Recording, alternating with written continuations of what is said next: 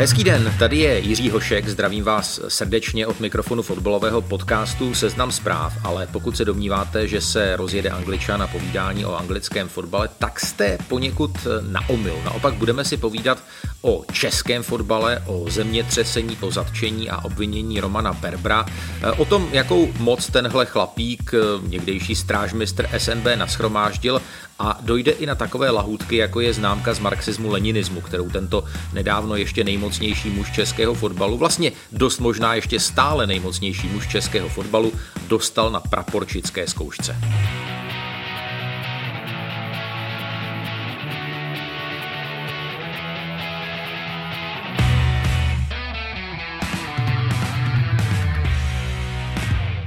Lidé jako Roman Berber nemají rádi osobnosti, které už něco ve fotbale zažili, které si pamatují, které si pamatují události, pamatují si tváře, pamatují si souvislosti. No a tenhle popis dokonale sedí na dva moje redakční kolegy, které já eh, v dnešní covidové době bohužel jenom na dálku eh, vítám v našem vysílání. Vítám Jaromíra Bosáka a Luďka Mádla. Pánové, dobrý den, ahoj. Dobrý den, zdravím. Ahoj, ahoj. Kluci, já jsem si vzpomněl na takovou scénu ze svého oblíbeného filmu eh, Policajt nebo Rošťák, kdy Jean-Paul Belmondo jako divizní komisař Stanislav Borovic přijede do jižní Francie, aby tam vymítil korupci v, v policejním sboru eh, Nice a jak tam má takovou tu debatu vážnou se svým čestným kolegou, velitelem té policejní jednotky, tak říká, v tom jablku je červ.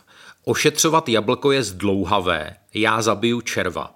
Luďku, eh, jak moc bys řekl, že tahle situace se dá aplikovat na to, co se teď děje kolem českého fotbalu a kolem snahy český fotbal očistit, provést nějakou obrodu?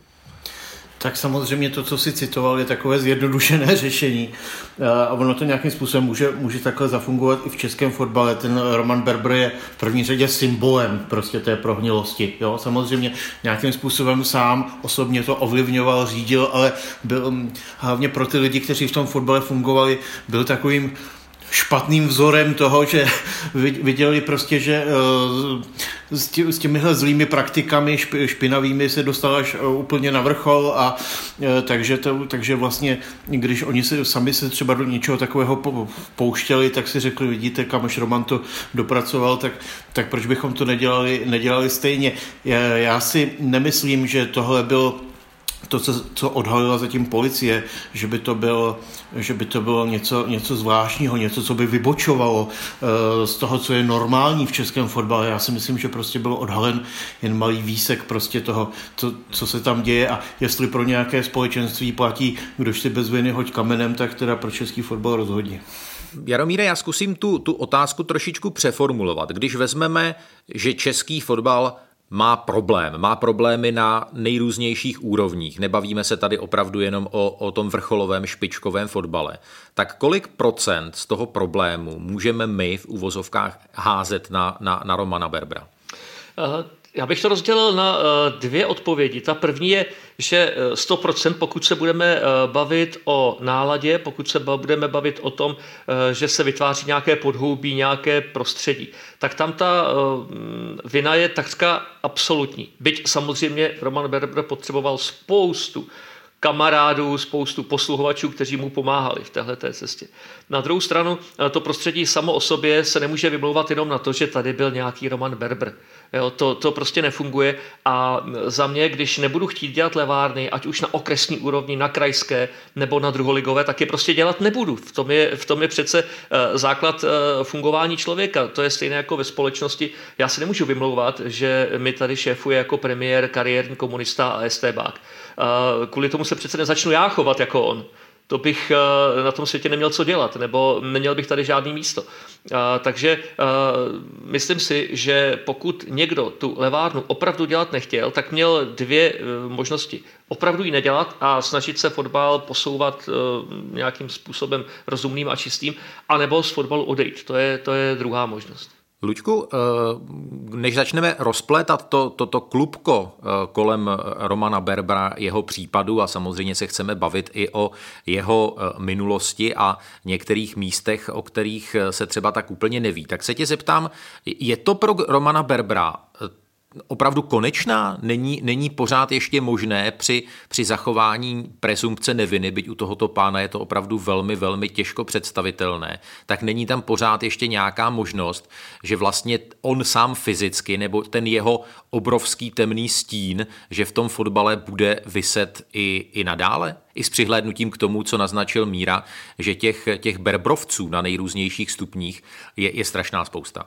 Tak já si myslím, že ten, ten stín tam nějakým způsobem bude zůstávat ještě, ještě spoustu let. Teď, teď je otázka, jak bude intenzivní.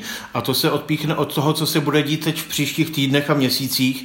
Eh, jestli eh, prostě přijdou ti, přejdou ti kritici od půl litrů, eh, kteří jako říkají, jak je to v tom českém fotbale všechno špatně a jaká, jaká je to hrůza, tak jestli pochopí těch asi 330 tisíc členů fotbalové asociace, že to je jejich asociace, jestli pochopí ten volební systém a jestli prostě na těch okresech se ty kluby, co pořád jenom jako nadávají, tak jestli pochopí, že můžou tu moc moc, ano, je to moc eh, ve fotbale převzít, eh, udělat, udělat prostě převraty na okresech, na krajích a pak změnit celý ten český fotbal. Já si prostě nic neidealizuju, ale je, je taky možné, jak známe prostě toho takovou tu českou povahu, tak eh, ze které vlastně vycházel celý ten systém, že na to všichni kašlali, ani, ani nevěděli, jak ten systém funguje, Všiš, všichni jsou jenom zvyklí říkat to oni nahoře, no tak pokud, dokud ty lidi z toho fotbalu nepřevezmou tu iniciativu, sami, tak se to nezmění a zůstanou tam ti berbrovci pořád dál. Jaromír Bosák chce reagovat? Jenom z druhé strany to vemu. Když si se neptal na to, jestli Roman Berber ještě bude moci nějak vstoupit do světa fotbalu nebo bude po zásluze potrestá, tak já si myslím, že vzhledem k tomu, že tohle dělala tenhle případ ústecká expozitura, že ji má přímo pod palcem Blenka Bradáčova, tak jsem skoro přesvědčen o tom, že to e, dopadne tak, že Roman Berber bude odsouzen, protože vemu to čistě politicky Lenka Bradáčová si v tomhle případě nemůže dovolit průšvih. Luďku, eh, mě musím říct, a někde jsem to i eh, už psal nebo, nebo říkal, tak mě hrozně mile na tom případu překvapilo, vzhledem k tomu, jak se to vyšetřování muselo táhnout dlouho, eh, že na tom musela spolupracovat řada policistů, že se, jak to bývá zvykem v České kotlině, tahle věc lidově řečeno nerozkecala. Je, je, je tohle taky nějaký rys, ze kterého ty si měl jakoby dobrý, dobrý dojem? Tak ono velice dlouho se spekulovalo vlastně desítky let, jak je možné, že, že všechny už jakoby nějakým způsobem pozavírali, nebo spousta lidí, že problém s policií měla a, a Roman Berber, u kterého se jako předpokládalo jako prostě daná věc, jako axiom, že se kolem něj jako splétá spousta, spousta špíny a e, manipulací s rozhodčími a tak dále, tak jako, jak, jak je možné, že tím jako neustále proplouvá. Necházelo se tam vysvětlení to, že e, velká část rozhodčích, ke kterým on má jako logicky blízko, působí opravdu ve státních službách jako policisté nebo, nebo celníci nebo něco podobného, takže uh, asi se častokrát stávalo, že se právě ta věc provalila nějakým způsobem, že se k němu dostali informace dřív, on s tím mohl nějakým způsobem pracovat. Tak teď já se přiznám, že jsem v uplynulých měsících čas od času slyšel nějaký náznak, jako že se něco chystá. Nevím, jestli to směřovalo k tomu, co teď jako se děje. Možná ano, možná ne. Um, a slyšel jsem teda, že ten pátek, že už se to k němu údajně doneslo a že, že někdo seděl a čekal, že přijdou policisti, že ten den ráno, že už to věděl. Tak to je zajímavá informace. Víme třeba i to, jak reagoval na to samotné, na to samotné eh, zadržení, jestliže to tedy čekal. Existuje takový mýtus, eh, nevím prostě, jestli jestli ho šíří ten, kdo u toho začení skutečně byl a údajně se v jeden moment měl rozbrečet. Já to nevím, jestli to, jestli to tak bylo, bylo nebo ne, nebo jestli to jenom někdo šíří, těžko říct. Hmm. Já bych teď eh, udělal takovou eh, odbočku do minulosti, než se potom vrátíme do současnosti a začneme rozplétat to, co jste pánové naznačili, to, že ta obroda opravdu musí přijít od těch jednotlivých eh, více než 300 tisíc členů fotbalové asociace České republiky na těch nejnižších úrovních. A pojďme se chvilku hrabat v uvozovkách v minulosti Romana Berbra, protože Podobně jako ministerský předseda Andrej Babiš, eh, který má eh, ve svém životě takové temné časové úseky, kde není úplně jasné, co dělal, jakým způsobem si vydláždil cestu k tomu svému impériu, tak by mě strašně zajímalo, a Jaromíre, začnu u tebe, kdy vlastně bylo to klíčové období u Romana Berbra, což byl svého času prostě řadový strážmistr sboru národní bezpečnosti, kdy se v něm začalo jakoby rodit něco, něco, něco většího. Byla to jeho spolupráce s STB, je tam, je tam nějaký klíčový kontakt, nějaké klíčové setkání. Upozornil bys na něco zvláštního? Eh, těžko říct, protože to bychom museli skutečně žít s Romanem Berbrem, abychom tohle eh, věděli. Já si myslím, že tím určitým faktorem u něj byl mm, moment touhy pomoci. On chtěl být velký, on chtěl rozhodovat, on chtěl zřejmě i zbohatnout eh, a proto dělal to, co dělal. Eh, to, že je někdo kariérním komunistou, to vidíme na premiérovi, který ne, že měl občas nějaké temné období, on má celý temný život, v tom smyslu si myslím já, eh, tak to samé vlastně funguje u Romana Berbra. Spřáhnu se s komunisty, protože mi to může přinést výhodu. Pak, když teda můžu nakouknout i k STB, tak tam klidně půjdu, protože to přece pro mě může být dobrý, pro mě osobně. Jakkoliv, nevím, jestli mi to Ludek potvrdí, ale povídal se, že u té STB Eh, to tak mohl dělat maximálně řidiče, jo. ale on tím dokázal skvěle, skvěle operovat, tím, eh, že vůbec v téhle organizaci byl, dokázal tím podle mě zastrašovat, eh, vytvářet si jistý nimbus toho, že on je ten, který ví, který má informace, který má kontakty a může kohokoliv zadupat do země, protože stačí mu, aby zvednul telefon. On to sám vytvářel, tenhle nimbus. Já si myslím, že to byla spíš taková nafouklá bublina, ale lidi prostě, kteří přišli do styku s Romanem Berebrem z toho fotbalového prostředí, tak měli pocit, že jim říká pravdu. A, a nikdo neskoušel, jestli má pravdu nebo ne. Luďku, stejná otázka na tebe. E, jaký výtah k moci e, Roman Berber použil? Já si myslím, že on byl v tomhle ohledu opravdu self-made man, že si opravdu sám udělal. Um, a sice eh, tam, tam jde o to, že v tom fotbale si každý většinou hledí jako svého písečku. Hráč si hledí svoji kariéry, eh, klubový funkcionář eh, si řeší svůj klub a jeho výsledky a postupy, sestupy, případně stavbu stadionu a tak dále. I takoví ti lidé, co, co ten fotbal řídili, třeba vlastně byl Košťal, tak toho zajímalo prostě velký kšeft, aby se postavil národní stadion na místě Sparty a tak dále. Ale Romana Berbra toho zajímala opravdu ta fotbalová moc. A on si, prostě nebyl jiný si přečíst stanovy asociace a zjistil uh, vlastně, jak ta, jak ta, jak ta moc se tam buduje, uh, jak, jak funguje. A kolem roku 2000 opravdu udělal obrovskou práci, že objel opravdu svědkové se na tom shodnou, že dlouhodobě na tom pracoval, objížděl všechny okresy, prostě, pro, které právě ty okresy a kraje tvoří polovinu e, delegátských hlasů na valné hromadě. No a jaká tam byla situace kolem roku 2000, tak tam byli většinou důchodci, kteří ještě tam přetrvávali třeba ze socialistické éry, nikdo to nechtěl dělat, ono to nebylo placené, nějak, jako nebylo to nějak zajímavé, No a Roman Berber oslovil svoje prostě bývalé kamarády, bývalé rozhodčí a řekl jim, pojďte dělat tyhle ty funkce, obsadíme ty okresy a získáme obrovskou moc v českém fotbale, když budeme jednotní. Přesně to se stalo a fungovalo to opravdu 20 let, zejména v České komoře. Já bych se rád, Lučko, ale stejně vrátil ještě před rok 1989. Tady možná naše posluchače eh, potěší taková rostomilost, kterou se eh, ti podařilo získat eh, vlastně z archivu Ústavu pro studium totalitních režimů. A to je praporčická zkouška strážmistra Romana Berbra, jestli se nepletu z roku 1978. Eh, nevím, jestli tu, eh, tu přípravu na tu zkoušku eh, Roman Berber odflákl, nebyly to rozhodně samé jedničky, i když jednička z jednoho předmětu se tam Luďku urodila, viď? Tak, já to tady mám u sebe, je to opravdu součást jeho útlého svazku. Vysvědčení o praporčické zkoušce na škole SMB v Brně. Z marxismu, leninismu dostal hodnocení výborný, takže jedničku. Mm. Pak tam bylo Československé socialistické právo, chvalitebný, pojčička. Mm. No a potom dvě trojky. Eh, pořádková a dopravní služba. Což a, je to zásadní. a také předmět kriminalistika a základní úkoly STB. Což je mhm. krásný předmět, jako to asi má vystudováno málo kdo. A co a já si myslím, že bychom to měli... Jenom tyhle čtyři předměty tam byly. tak eh, asi bychom to měli trošku hodit do kontextu. Eh, tam s tím Andrejem Babišem má spoustu společného, jak říkáš, právě taková ta temná období v životopise a zároveň se v něčem jako zásadně liší, protože zatímco Andrej Babiš veškerou svoji spolupráci s STB popírá, tak, tak Roman Berber se jí dokonce chlubil naopak. A tady nastala taková zvláštní věc, jak když jsem s ním v roce um, 2013 dělal rozhovor do knížky Kmotr fotbal, tak on mi tam odvyprávěl, že pracoval sedm let pro uh, českou, československou rozvědku, že měl na starosti Němce a Izraelce a, a tak, že prostě absolvoval špionážní výcvik a co všechno.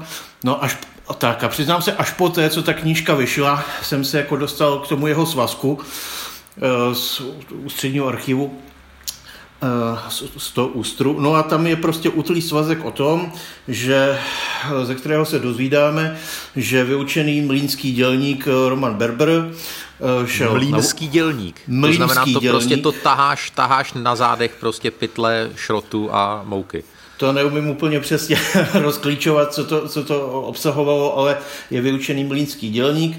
Šel, šel na vojnu do Příbramy, kde se stal řidičem uh, u vojenské kontrarozvědky jezdil Tatrou 603 a to se mu hrozně líbilo, tak eh, zažádal na základě životopisu a to, co se dočteme v tom spise, tak zažádal o vstup do sboru národní bezpečnosti, eh, kde chtěl být také zejména řidičem, v případě, že by nebylo místo, tak tak eh, že by eh, případně u dopravní policie, tak tam nastoupil v roce 75, tuším, ano, eh, v rámci toho pobytu u, v SMB teda absolvoval i, tuhle tu praporčickou školu. A v roce 79 nastoupil na jeden rok právě do, do státní bezpečnosti jako referent někde v Plzni. A po, po jednom roce působení tam ze sboru národní bezpečnosti odchází. A co se s tím děje potom, v těch dalších letech, to těžko říct. On tvrdí teda, že byl u té rozvědky, ale není na to v ústru žádný, žádný dokument, takže co jsem o tom hovořil s historiky, tak jak si nepředpokládají, že by uh, říkal pravdu, ale nemůžeme samozřejmě vyloučit, že existoval někdy nějaký spis, který někdo někde stopil. Takže si to nejspíš trošičku, trošičku přifouknul. Asi snil o, o, o nějaké dráze u, u, u STB, že bude vyšší šarže, ale asi tam úplně nedoputoval. On se tak jako prezentoval, že byl něco jako český James Bond v podstatě. No. E, taky, taky mi v tom rozhovoru říkal, že e, má Gimple a absolvoval dva roky na právech, ale pak se zamiloval a nechal toho, ale e, o tom, to by musel teda absolvovat po 20. po, po, po tom roce 1980 kdy už mu bylo teda nějakých 26 let, tak jestli říká pravdu nebo ne, tak není to nikde zdokumentováno. Hmm. Uh, Jaromír Bosák chce k tomu něco dodat. Já jenom jsem si uvědomil, jaký je to paradox, že mlínský technik netuší, že boží mlejny melou. Jo, že to může dostihnout. A uh, druhá věc, uh, proč asi uh, zase úplně lidský faktor, proč Roman Berber odchází uh, ze služeb uh, SMB, STB, uh, já mám pocit proto, že tam byl úplně dole na žebříčku, na tom, v tom potravinovém řetězci, musel poslouchat. On chce šéfovat, on chce vládnout. A to podle mě je taky určující faktor jeho kurikulum víte. Míro, já u tebe ještě s dovolením zůstanu. Tam už se přenesme do po listopadové éry, kdy eh, Roman Berber běhá po fotbalových trávnících eh, v roli rozhodčího, eh, který postupně získal poměrně kontroverzní nebo špatnou reputaci. Eh, vybavuješ si Míro Romana Berbra jako, jako rozhodčího? Pamatuješ si třeba na nějaký zápas, který, který pískal před tvýma očima? Eh, já si Romana Berbra samozřejmě jako rozhodčího pamatuju, protože jak už si předeslal na začátku, v podstatě mířím eh, do, do věku, který už není ke chlubení, ale já, co si pamatuju, tak o Romanu Berbrovi se vždycky říkalo v těch fotbalových kruzích, že on by nebyl špatný rozhodčí, nebo že není špatný rozhodčí. A, ale eh, charakter je na levačku že to prostě nemůže dobře fungovat. A já si pamatuju, že ho dokonce obvinil kdysi Petr Packard jako trenér Bohemky eh, z toho, že chtěl přímo na hřišti od eh, jeho hráčů, tedy hráčů Klokanu, potvrdit, že dostane nějaké peníze za to, že zařítí zápas. Pak to usnulo, ta aféra, protože se to de facto k soudu nedostalo. Petr Pakr, dneska už neboštík, taky vlastně změnil, změnil to svoje vyjádření, ale to, že Roman Berber jede ve věcech, které tehdy si myslím, hlavně v těch 90. letech, byly i v první lize úplně normální. Tady máš padesátník, tady máš stovku a zařiď to, byly úplně běžné, takže v tom Roman Berber jel se vším všudy, to je podle mě naprosto jednoznačná záležitost. Luďku, jaké, jaké jsou tvoje vzpomínky na, na, tuhle, na tuhle éru? Tak jméno Romana Berbra se hodně skloňovalo v takzvaném horkém létě 1995, kdy vyvřela taky jako tehdy spousta špíny. E, souviselo to s tím, že já doufám, že nepomotám víc afér najednou, ale tehdy kluby si udělali takové hlasování tajné, komu nejméně důvěřují a byly asi čtyři rozhodčí vyřazení z nejvyšší soutěže, pan Berber mezi nimi. Mělo, mělo to spoustu do, do zvuku. Pan, pan Berber řekl do televize, že za ním někam do Nýrska, kde pracoval, přijel tehdejší ředitel Slávě František Cipro a chtěl ho ovlivňovat tom, aby, eh, aby pan Berber v utkání eh, Sparta České Budějovice, aby, aby nějak pomohl hostím, prostě protože to, by to Slávy vyhovovalo v boji o titul. Eh, ten zápas dopadl úplně v obráceně, pan Berber jako rozhočí seřezal jeho Čechy jako žito. Karel Vácha si tam na protest chodil, měl kýbl na hlavě Prostě to, to, bylo, to bylo něco, něco strašného. Potom to vzal teda pan Berber zpátky, tohle svoje nařčení vůči, vůči panu Ciprovi, ale objevily, objevily se i další věci. Právě eh, Bohemka hrála baráž o postup do ligy s Jabloncem a trenér Packard uh, řík, mluvil o tom, že si v poločase zavolal Berber kapitána uh, Pavlíka a chtěl po něm uplatek. U disciplinární komise potom všichni na všechno zapomněli. Berber měl tehdy asi půl roku distanc, pomalu se tak nějak jako vytratil z pískání a začal, začal si připravovat svoji jinou kariéru. Začal eh, jako eh, mentor vlastně budovat takovou skupinu rozhodčích kolem sebe. Její součástí byla i Dagmar Damková, pan Pastěřík, pan Jára, v podstatě pan Královec a spousta, vlastně takové nějaké to jádro, které přetrvává nějakým způsobem uh, do dneška. Tam se odrazila potom aféra třeba Ivánku Kamaráde, kde byl zachycen telefonát. Uh, Ivan Horník chtěl prostě rozhodčí si, si uh, zařizoval na zápas tuším s Brnem, tak schánil rozhodčího Járu a pana Pastyříka, tak nejdřív volal jejich guru, panu Berbrovi, jestli s nima může mluvit. Tak to dostal povoleno, až hmm. potom, jim, potom jim zavolal, s Járou se teda potkal někde uh, v restauraci McDonald's, tak nevíme, co si tam říkali, a panu Pastěříkovi nabídnou po telefonu uplatek. Později se zjistilo, že rozhodčí pastěřík byl také policista, chodem byl v té kauze potrestán a poté, co si ten trest a zákaz působení ve fotbal odstál, tak se zase vrátil v rámci soutěží ČFL, pískal, pískal dodnes a zase jeho jméno tam teď eh, problesklo ještě po tolika letech problesklo ještě, problesklo ještě v těch spisech. Ale Romana Berbra tedy aféra Ivánku kamarády jenom tak jako lehonce štrejchla.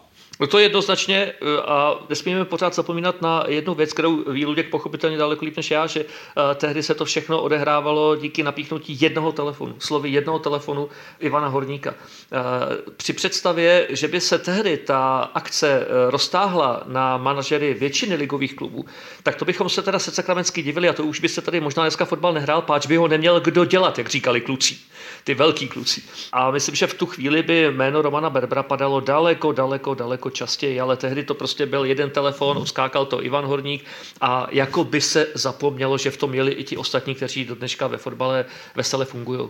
Luďku, takže, Ivan, takže Roman Berber a aféra Ivánku kamaráde, byl, byla to jenom tahle jedna epizoda? Tam, uh, on tam vystupoval jako svědek a ani ne u soudu, jenom u disciplinární komise. A vím, že eh, existuje ještě jeden odposlech.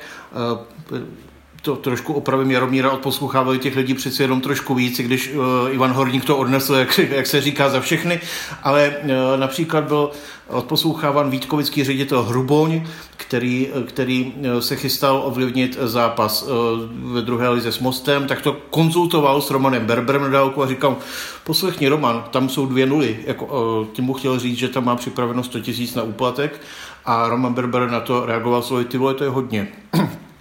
Tak a když jsem se ho potom uh, ptal, jestli to nějakým způsobem řešil, když se dozvěděl takovouhle věc, že se tam chystá ovlivní zápasu, tak mi sdělil, že takovéhle věci se řeší ve fotbale jako interně a že to samozřejmě sdělil předsedovi uh, komise rozhodčích uh, panu, uh, panu Brabcovi. Hmm. Když jsem potom potkal pana Milana Brabce ptal jsem se ho, jestli někdy něco takového řešil s Romanem Berberem, tak si samozřejmě nic takového nepamatoval. Jenom pro upřesnění Milan Brabec byl ten známý Milánek, který řešil eh, s Ivanem Horníkem, že to mají vystřílený, jako ho pošlou do Jablonce, jestli tam teda dají toho čurdu nebo někoho jiného. Prostě to byl, to byl naprosto uzavřený systém, ve kterém Roman Berber fungoval jako spousta dalších a já se trošku bojím, že do, byť se to trošku upgradeovalo, tak nějakým způsobem uzavřený systém to je, to je vlastně dodnes.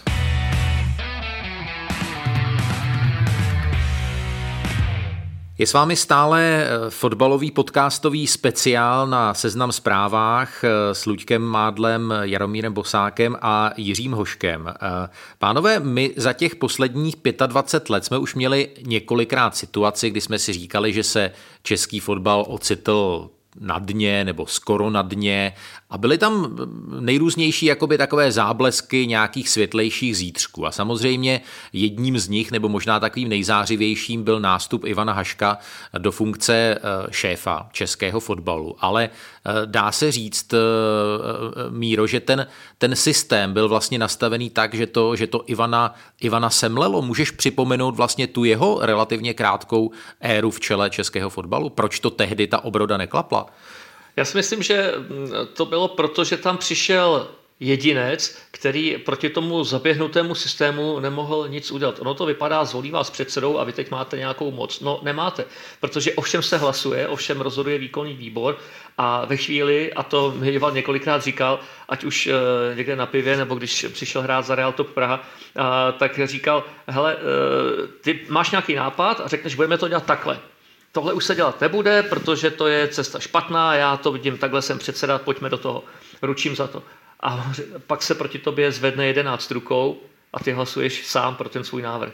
Jo, takže takhle to vypadalo a myslím si, že když pominu všechny další věci, které se odehrávaly, protože funkce předsedy svazu je i politická, marná sláva a musíš jednat s mnoha eh, subjekty a s mnoha lidmi, eh, tak a pohybovat se v takovém minovém poli, tak eh, tohle bylo asi to, co Ivana Haška odradilo ze všeho nejvíc, protože on jako trenér, ať už reprezentační nebo na klubové úrovni, byl zvyklý, že věci běžely podle toho, jak on určil. Byl za výsledek zodpovědný a tudíž měl taky tu pravomoc. Ale to na svaze vůbec nešlo. A když tě on vypráví, jak se ti ty lidi vyloženě smějou eh, do obličeje, že uh, ti dávají najevo od první chvíle, ty seš tady vlastně jenom jako taková zástěra, protože sám nemůžeš proti nám nic dosáhnout.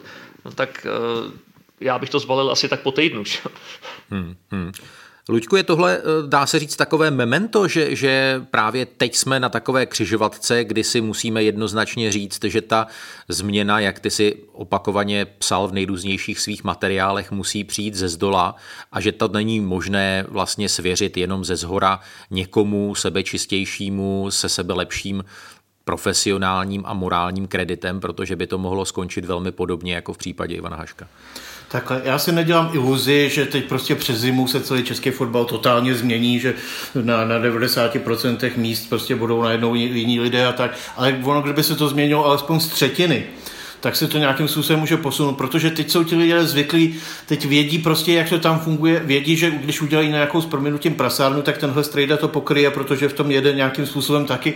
Když se tam objeví na, aspoň na prostě nějaké množství míst nějací jiní lidé, u nich štihle prostě podvodníci si nebudou jistí, jestli, jestli prostě uh, budou, budou u nich trpění, prostě jestli to mají nastavený stejně jako oni, tak se to může trošku začít posouvat po pár procentech někam. Jo. Ten fotbal je prostě strašně vysoká pyramida od ligy až prostě někam po okresní přebory a všude je to prostě zažraný, že uh, je to kompetitivní prostředí, každý chce nějak postupovat a ty lidi jsou schopní dělat prostě kvůli pár bodům jako neuvěřitelné věci. No a když eh, se tohle to trošku odnaučí, nebo budou mít strach to dělat, to, co dělali prostě celý život, tak se to nějakým způsobem může posunout. Tam se dají se dělat prostě konkrétní věci. Byl návrh, aby aktivní rozhodčí nesměli eh, fungovat prostě v nějakých funkcích na okresních fotbalových svazech, v komisích rozhodčích, delegátů a tak dále, aby prostě tahle ta armáda nemohla být funkční na několika uh, místech. To Roman Berber velice dobře věděl, že tohle by ho ohrozilo, tak tohle schodil ze stolu. Existovala dokonce i taková iniciativa, eh, pracoval na tom Michal Prokeš, který tehdy řídil prostě Akademie mládežnický fotbal. Začaly se jednotlivé okresy osazovat trenéry, aby každý, na každém okrese byl prostě nějaký uh, trenér se vzděláním placený asociací. No a to, to vytvářelo samozřejmě strukturu, která hypoteticky někdy mohla převzít moc, že by tam místo toho rozočího vzal, převzal ten okres ten trenér. No tak to samozřejmě taky Roman Berber jako vycítil, že to může být problém. Schodil schodil Romana Prokeše ze Strahova, ten mu k tomu dal, samozřejmě tam byla ta aféra s tou kartou a tak dále, takže to měl jednoduch, poměrně jednoduché, ale prostě nějaké snahy, nějaké snahy se daly už vycítit v těch uplynulých týdnech, měsících, že se někdo snažil s tím jako něco dělat, že se s tou pyramidou už se snažil někdo zatřást. Teď tam tedy uh, Roman Berber na Strahově fyzicky není, možná je tam jeho duch, jsou tam samozřejmě lidé, kteří jsou mu tu, tu více, tu méně zavázáni, jsou na nejrůznějších stupních té, té hierarchie. Eh, Jaromíre, v rámci toho obrodného procesu, my jsme v posledních dnech od eh, zadržení Romana Berbra slyšeli a četli několik velmi zajímavých eh, rozhovorů s lidmi, kteří by se do toho obrodného procesu rádi pustili. Máš pocit, z tvých zkušeností a znalostí, že by tady měla vzniknout nějaká iniciativa, nějaké hnutí, eh, měl by se vytipovat nějaký právě budoucí jasně definovaný kandidát na post předsedy Fačru. Jaké by vlastně ty další kroky v tom obrodném procesu měly teď být? Samozřejmě ten první krok, když se na to budu koukat ze zhora, bude valná hromada, protože to je rozhodující orgán a záleží, která eh, valná hromada bude volit. Eh, je důležité, co všechno se ještě z aféry kolem Romana Berbera dostane ven do té doby, protože já si myslím, že zdaleka, zdaleka není konec, že se dovíme ještě spoustu dalších zajímavých věcí. A, ale bez toho, o čem už tady padla řeč, že ten obrodný proces začne na té nejnižší úrovni, to prostě nepůjde, protože ty lidi nakonec hlasují, delegáti i, e, okresů i krajů na té valné hromadě. A já se vlastně ve fotbale pohybuju takřka 50 let na té regionální úrovni.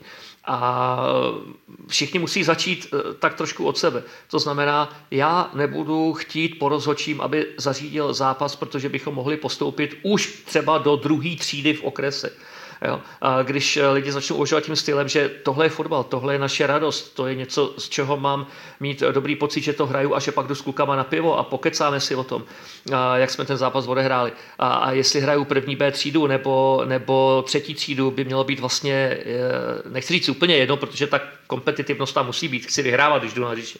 To je jasný, ale chci vyhrávat, protože jsem lepší než soupeř. Ne protože mám plnější kapsu.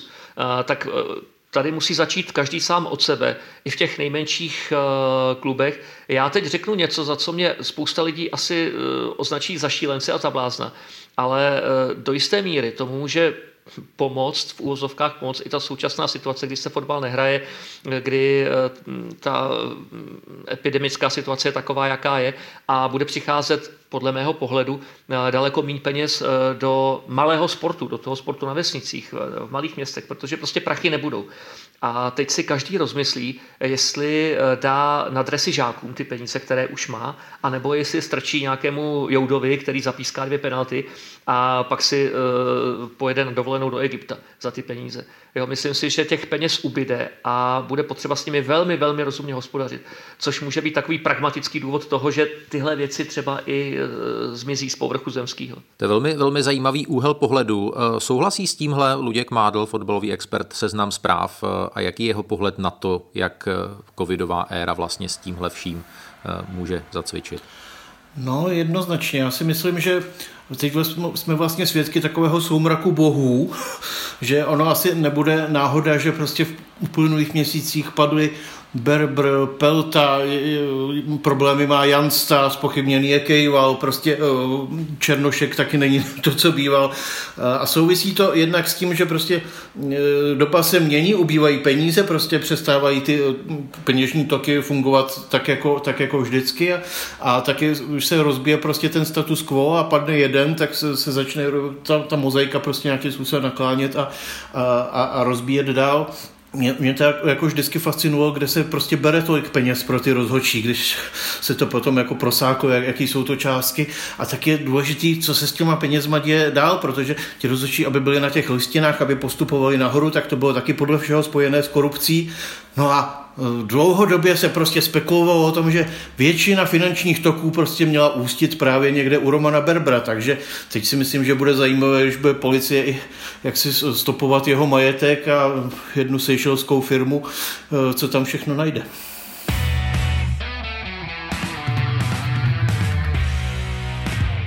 Stále posloucháte fotbalový speciál, podcast Seznam zpráv.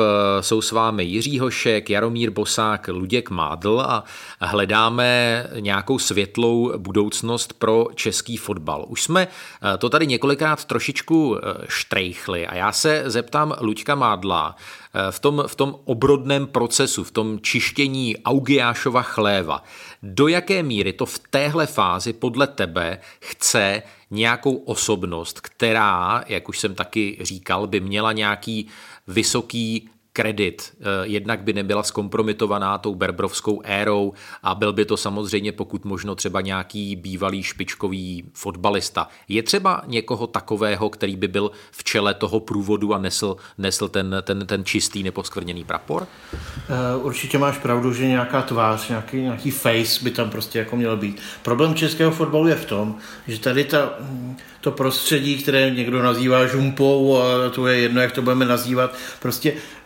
všichni ti lidi, kteří teď samozřejmě aspirují na, na to, aby nějakým způsobem v tom vedení fotbalu působili, tak všichni nějakým způsobem v tom žili.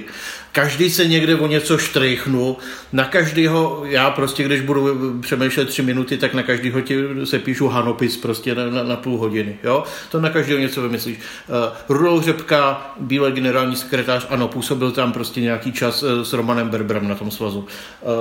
Uh, o Janu Nezmarovi se mluví, Jo, jasně, léta působil jako funkcionář, s Romanem Rogozem se rozhodně zná, prostě do Vyšehradu putovala spousta mladých slávistů, když spolu působil, jestli se bavil jenom o tom, je další věc. E, na každého prostě něco vymyslíme, e, musí se to, Stejně to, to je teď vidět už, že jenom se skládá komise rozhodčích, kolik já mám denně telefonátů. Každý mi pomlouvá někoho, někoho, kdo by do té komise měl jít. To je prostě jako neuvěřitelná záležitost. Takže od toho se nějakým způsobem ten český fotbal bude muset ospoutat.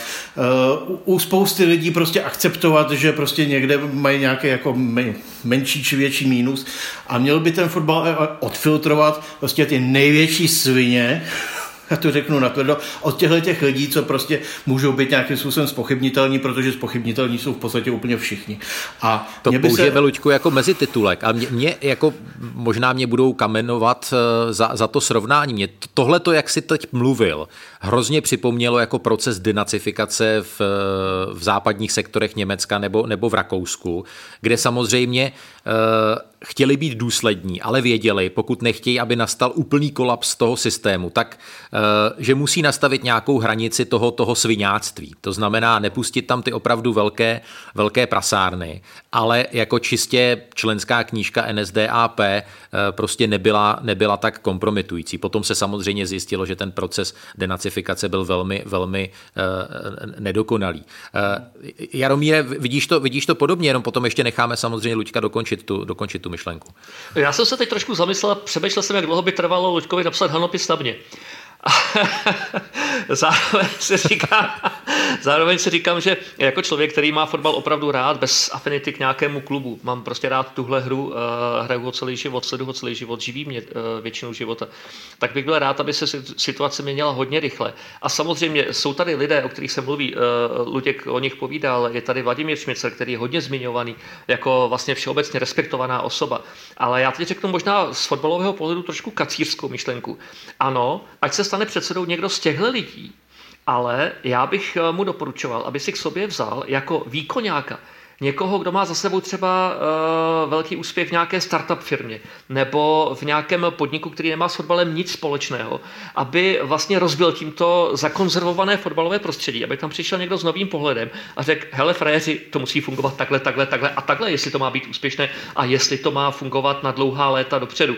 Protože to, co vy tady zatím předvádíte, nebo s čím se chcete dát dohromady, to vás dovede k tomu, že za tři roky to sklouzne do podobného stavu a budete mít zase problém. Jo, takže eh, já bych to znamená velmi přesně podle, ducha, podle logiky podle logiky, že minister obrany nemusí být bývalý voják a minister zdravotnictví nemusí být nezbytně lékař nebo, nebo zdravotní sestra. No dokonce si myslím, Lučku, že eh, ten minister, eh, respektive v tuhle chvilku předseda svazu, ano, a je to ten fotbalista, hmm. ta tvář, člověk, který s tím chce opravdu pohnout dopředu, ale ty výkonáky může mít z mého pohledu i z jiných sfér. Luďka, ty jsi ještě chtěl eh, možná dokončit tu svoji předchozí myšlenku, kterou já jsem ti eh, trošku přerval. Tak musí to samozřejmě řídit eh, tým, který bude prostě nějak namíchaný, tak jak, možná jak to, jak to nastínil, jak to nastínil Míra, to znamená nějaká, nějaká hvězda prostě na, v čele, někdo s velkým morálním kreditem, fajn, ně, někdo, někdo výkonný klidně i zvenku, bývalý reprezentanti, ale i, musí tam být lidé, kteří vědí, jak ty struktury fungují a tak dále. Je fakt, že Nescela kompatibilní s tím, co jsme teď popsali, jsou stanovy fotbalové asociace, protože ty tam vlastně do těch pozicí v tom výkonném výboru eh, posílají lidi eh, z těch jednotlivých segmentů. Tam má být někdo prostě za ligu, někdo za okresy a tak dále, takže ono, ono je poměrně velmi složité to, tyhle, ty dva, tyhle ty dvě věci propojit. A já bych řekl, že mě, když jsem mluvil o tom, že bychom měli napsat hanopis asi na každého, tak, tak opravdu tak nevím, co bych napsal o Mírovi. Možná, že o tom, že vy jste veřejnoprávní televize se některým věcem po mém soudu mohli po dlouhou dobu věnovat intenzivněji, ale ale eh, člověk, na kterého bych jako neuměl napsat asi nějakou špínu, je teda Vladimír Šmicer. Tam mě opravdu jako nic nenapadá. Ten, ten si myslím, že ten, u, něj, u něj je ten kredit eh, nespochybnitelný a mě by se nějakým způsobem jako, jako šéf svazu líbil, ale m, prostě nesmí se stát loutkou, jako se to stalo spoustě dalších lidí. Ono, bývalí fotbalisté jsou teď předsedy svazů v Bulharsku, v Chorvatsku, ten Šuker, prostě tam jsou slavná jména, ono to jako vypadá hezky, se děje výkonem výboru UEFA, ale prostě všichni víme, že fotbal v Chorvatsku neřídí Davor Šuker, ale řídila ho ta rodina, eh, co, co ovládala prostě Dynamo Zářeb. Jo. Takže prostě, jak se ten člověk jako stane loutkou, stejně jako se u Ivana Haška prostě spekuloval o tom, že loutku pana Chvalovského a pana Hušáka, když oni dva vlastně padli, tak on, tak on utek do Arábie, to prostě řeknu otevřeně. Takže eh, je to potřeba nějak nastavit, aby to fungovalo a je, my se tady bavíme prostě o očistě fotbalu, nějaké mravní integritě a tak dále, to je strašně důležitá věc, ale ono to vedle toho je to obrovský kolos s miliardovým rozpočtem, takže to musí taky řídit někdo, kdo se v tomhle trochu vyzná a, a je prostě nějakým způsobem zdatný obchodník. Je otázka, jak budou nastavené dál prostě dotace ze strany státu, tam prostě teče 550 milionů ročně a to jako není sranda a člověk, který s tím jako v životě nikdy jako neměl nic společného, tak potřebuje vedle sebe lidi, kteří se v tomhle nějakým způsobem vyznají. Luďko, ještě když zůstanu u té mojí nakousnuté denacifikace, tak ty bys byl proto, aby teď v těch příštích týdnech uh, jsme byli maximálně přísní a potom se případně ty kohoutky jakoby, jakoby lehce povolovaly, nebo, nebo obráceně. Teď si dokážeš eh, vlastně představit, že v tom přechodném období jakoby to, to procento těch v uvozovkách kolaborantů tam ještě v tom vedení nějaké být může, aby se vlastně zajistil nějaký ten přechod k tomu lepšímu období a potom vlastně budeme, budeme důslední. No tak to je vlastně otázka na to, jestli měl teď hned odstoupit jako výkonný výbor a nechat to tam jako nějak celé ležet, což jako byly ty prvotní... moudrý, to tam byla skrytá otázka, no. Prvotní, prvotní nápady, že se má prostě jako do týdne svolat mimořádná volná hromada a zvolit jako nové vedení. No a tam proti tomu se objevily samozřejmě ty podle mě správné názory, no tak fajn, když za, za, za týden svoláte volnou hromadu mimořádnou, tak za prvé to nejde kvůli covidu a za druhé eh, tam zase přijedou ti stejní delegáti z těch okresních fotbalových svazů, ti Berbrovicí noví vojáčci a navolí volí tam znovu Libu Damkovou a prostě tuhle tu skvadru na další čtyři roky. Takže proto musí proběhnout nejdřív ten proces ze zdola, okresy kraje, aspoň trochu to tam proměnit, aby potom toho úvodovkách Šmicera nebo někoho volili prostě už trošku, trošku jako jiní lidé. To bez tohoto, bez tohoto asi nepůjde. Já si myslím, že klíčové označit si prostě ty jako nej, nejproblematičtější osoby, které prostě tu svoji drzost jako nestrácejí. Už teď jsem slyšel, že už se prostě řeší komise rozhodčích, tak pan Liba prostě je, navrhuje, že by to teda měl převzít současný úsek rozhodčích fačerů, což je v podstatě on nebo pan Tulinger, no, tak to bychom se asi vrátili prostě co je jako neuvěřitelný. Oni prostě si o to jako znova řeknou, že by to tam jako řídili tyhle, tyhle ty lidi. Oni, ne, oni, ty, oni, ty pozice, oni ty pozice neopustí jako z, no, bez jasně. boje zadarmo a bez ničeho. To fakt jako oni, oni nevysublimují. Oni se na to v podstatě i připravovali delší čas, že to někdo z nich převezme po, hmm. po Berbrovi. Tam se očekávalo, že Roman Ber, Berber pojede do důchodu, ne, že půjde do vězení. Jo, ale prostě pokud, ta, pokud ta páteř, celá ta chobotnice tam jako zůstane funkční, tak se neposuneme ani, ani o milimetr. No to je stejné jak v Itálii jednou, když za 10, 15, 20 let eh, zatknou šéfa Cosa Nostrin, Drangety nebo Kamory, tak všichni samozřejmě juchají, ale všichni tak nějak vědí, že, že vlastně ta chapadla eh, budou prostě pokračovat dál. Ale otázka na Jaromíra Bosáka mě připadá, že eh, strašně důležitou roli, byť to není třeba zakotveno v těch stanovách, hraje postoj těch největších českých, českých klubů. Co se teď jakoby honí hlavou vedení Sparty, Slávie, případně Plzně? Já, já mám trošičku takové jakoby tušení, že oni samozřejmě otevřeně, hm, jakoby se jim to úplně jakoby nelíbí, ale možná taky je v tom takový jakoby strach z té jakoby ne, ne, nejasnosti, jo? že svým způsobem si dokážu představit i to, že toto zatuchlo ten určitý smrádek jim svým způsobem dlouhodobě jako vyhovoval. Eh, do určité míry ano, i když si myslím, že v době, kdy my natáčíme tenhle podcast, tak eh, to, co zajímá vedení Slávě Sparty, je to, jak dopadnou jejich manšafty v druhém kole Evropské ligy. To je teď asi primární. Ale já mám pocit, že i pro ně může přijít jistá úleva tím, že eh, Roman Berber a ta klaka končí, respektive teď končí eh, Roman Berber a doufám, že skončí i celá řada lidí, kteří s ním velmi úzce spolupracovali, protože to má Luděk pravdu, bez toho to prostě nejde, eh, bez téhleté očisty. Tak možná, že si najednou vedení velkých klubů, velkých českých klubů uvědomí, že najednou nám odpadá vlastně jedna starost vycházet dobře s těmihle lidmi za každou cenu a dělat jim i třeba nějaké ústupky při volbách a při dalších příležitostech. Jenom by jim to možná trošku uvolnilo ruce a to, jak jsi se ptal na tu zatuchlost a na to, jestli někomu vyhovovalo, tak asi ano. Tohle prostředí bylo vlastně pro ně docela příjemné, protože tam byly vyježděné cestičky, byly jasně dané sektory, kam kdo může, co je koho, eh, nebyl žádný problém, eh, řeknu, s volným fotbalovým trhem. Jo, bylo všechno přesně nalajnovaný. A, a rozhodovali maximálně sem tam nějaké zákulisní dohody o drobném přerozdělení parcel ale jinak to vlastně běželo um, tak, jak všichni byli dlouho zvyklí. Bytě to trošku tížilo, ale zvykli si na to. Já si myslím, že tohle je i pro velké kluby šance uh, dostat se na úroveň toho, jak se funguje třeba v Německu nebo v Belgii, v Holandsku, ať srovnávám srovnatelné země, uh, že to je opravdu volná soutěž s jasně danými pravidly, ale bez nějakých extrémních zákulisních dohod. Luďku, jak ty vidíš teď ehm, postoj velkých českých klubů k tomu, co se děje nebo co by se, co by se dít mohlo? Tam je velice pozoruhodné, jak jsou sticha. Jo. Jediný klub, který vlastně eh, se nějak aktivně eh, po pádu, po začení Romana Berbera eh, začal vyjadřovat, je klub FK Teplice, pan Schidlbauer, kteří byli takový, takový dlouhodobý dizidenti, ale jinak je prostě ticho po pěšině. Takový pan Tvrdík, ten se jinak na Twitteru vyjadřuje naprosto ke všemu, kde fouká vítr a tak dále.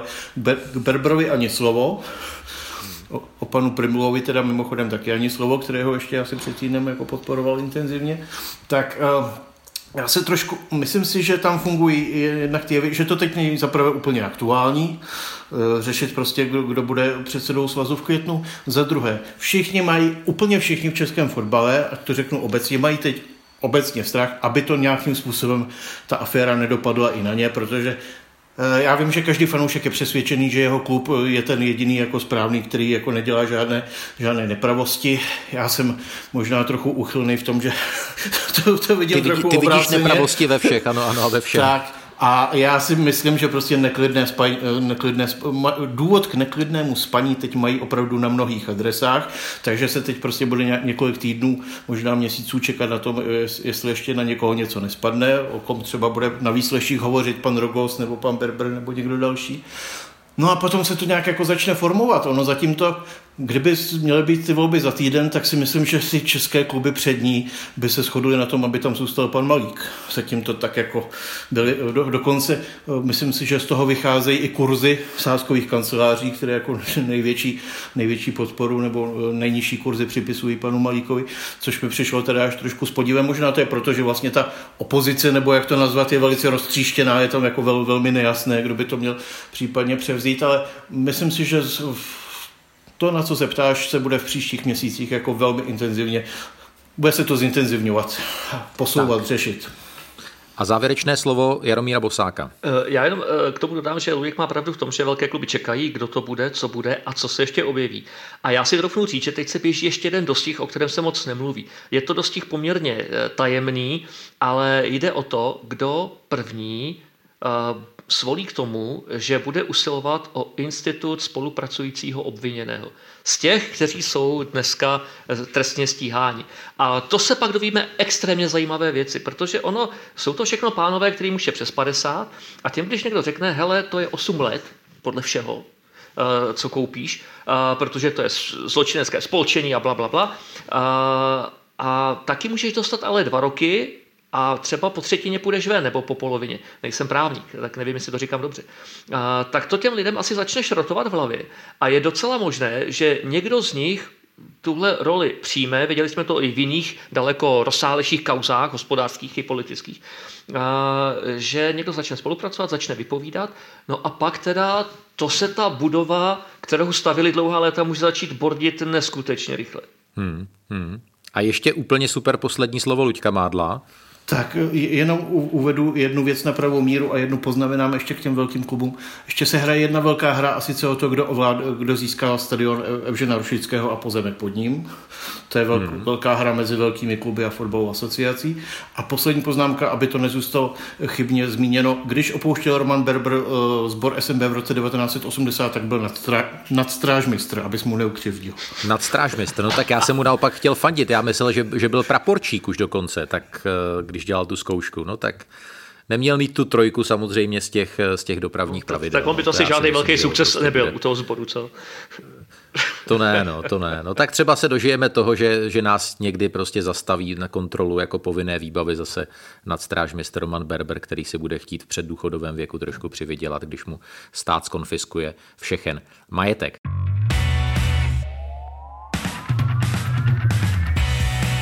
To byl fotbalový podcast speciál v podání Seznam zpráv, který můžete slyšet eh, samozřejmě i na podcastových aplikacích, jako je Spotify, jako jsou Apple Podcasts a další. Já moc krát děkuji za nesmírně eh, zajímavé postřehy a, a názory. Eh, děkuji Jaromíru Bosákovi, měj se krásně, ahoj. Taky děkuju, zdravím. A samozřejmě velké poděkování a přání všeho dobrého eh, letí i do pražských Holešovic eh, Luďku Mádlovi, fotbalovému expertu Seznam zpráv. Luďku, měj se fajn. Díky moc a dávejte si všichni pozor, když budete přicházet silnice, aby nejelo kolem nějaké velké černé SUV. Tak ahoj. Mějte se krásně a od mikrofonu vás srdečně zdraví Jiří Hošek.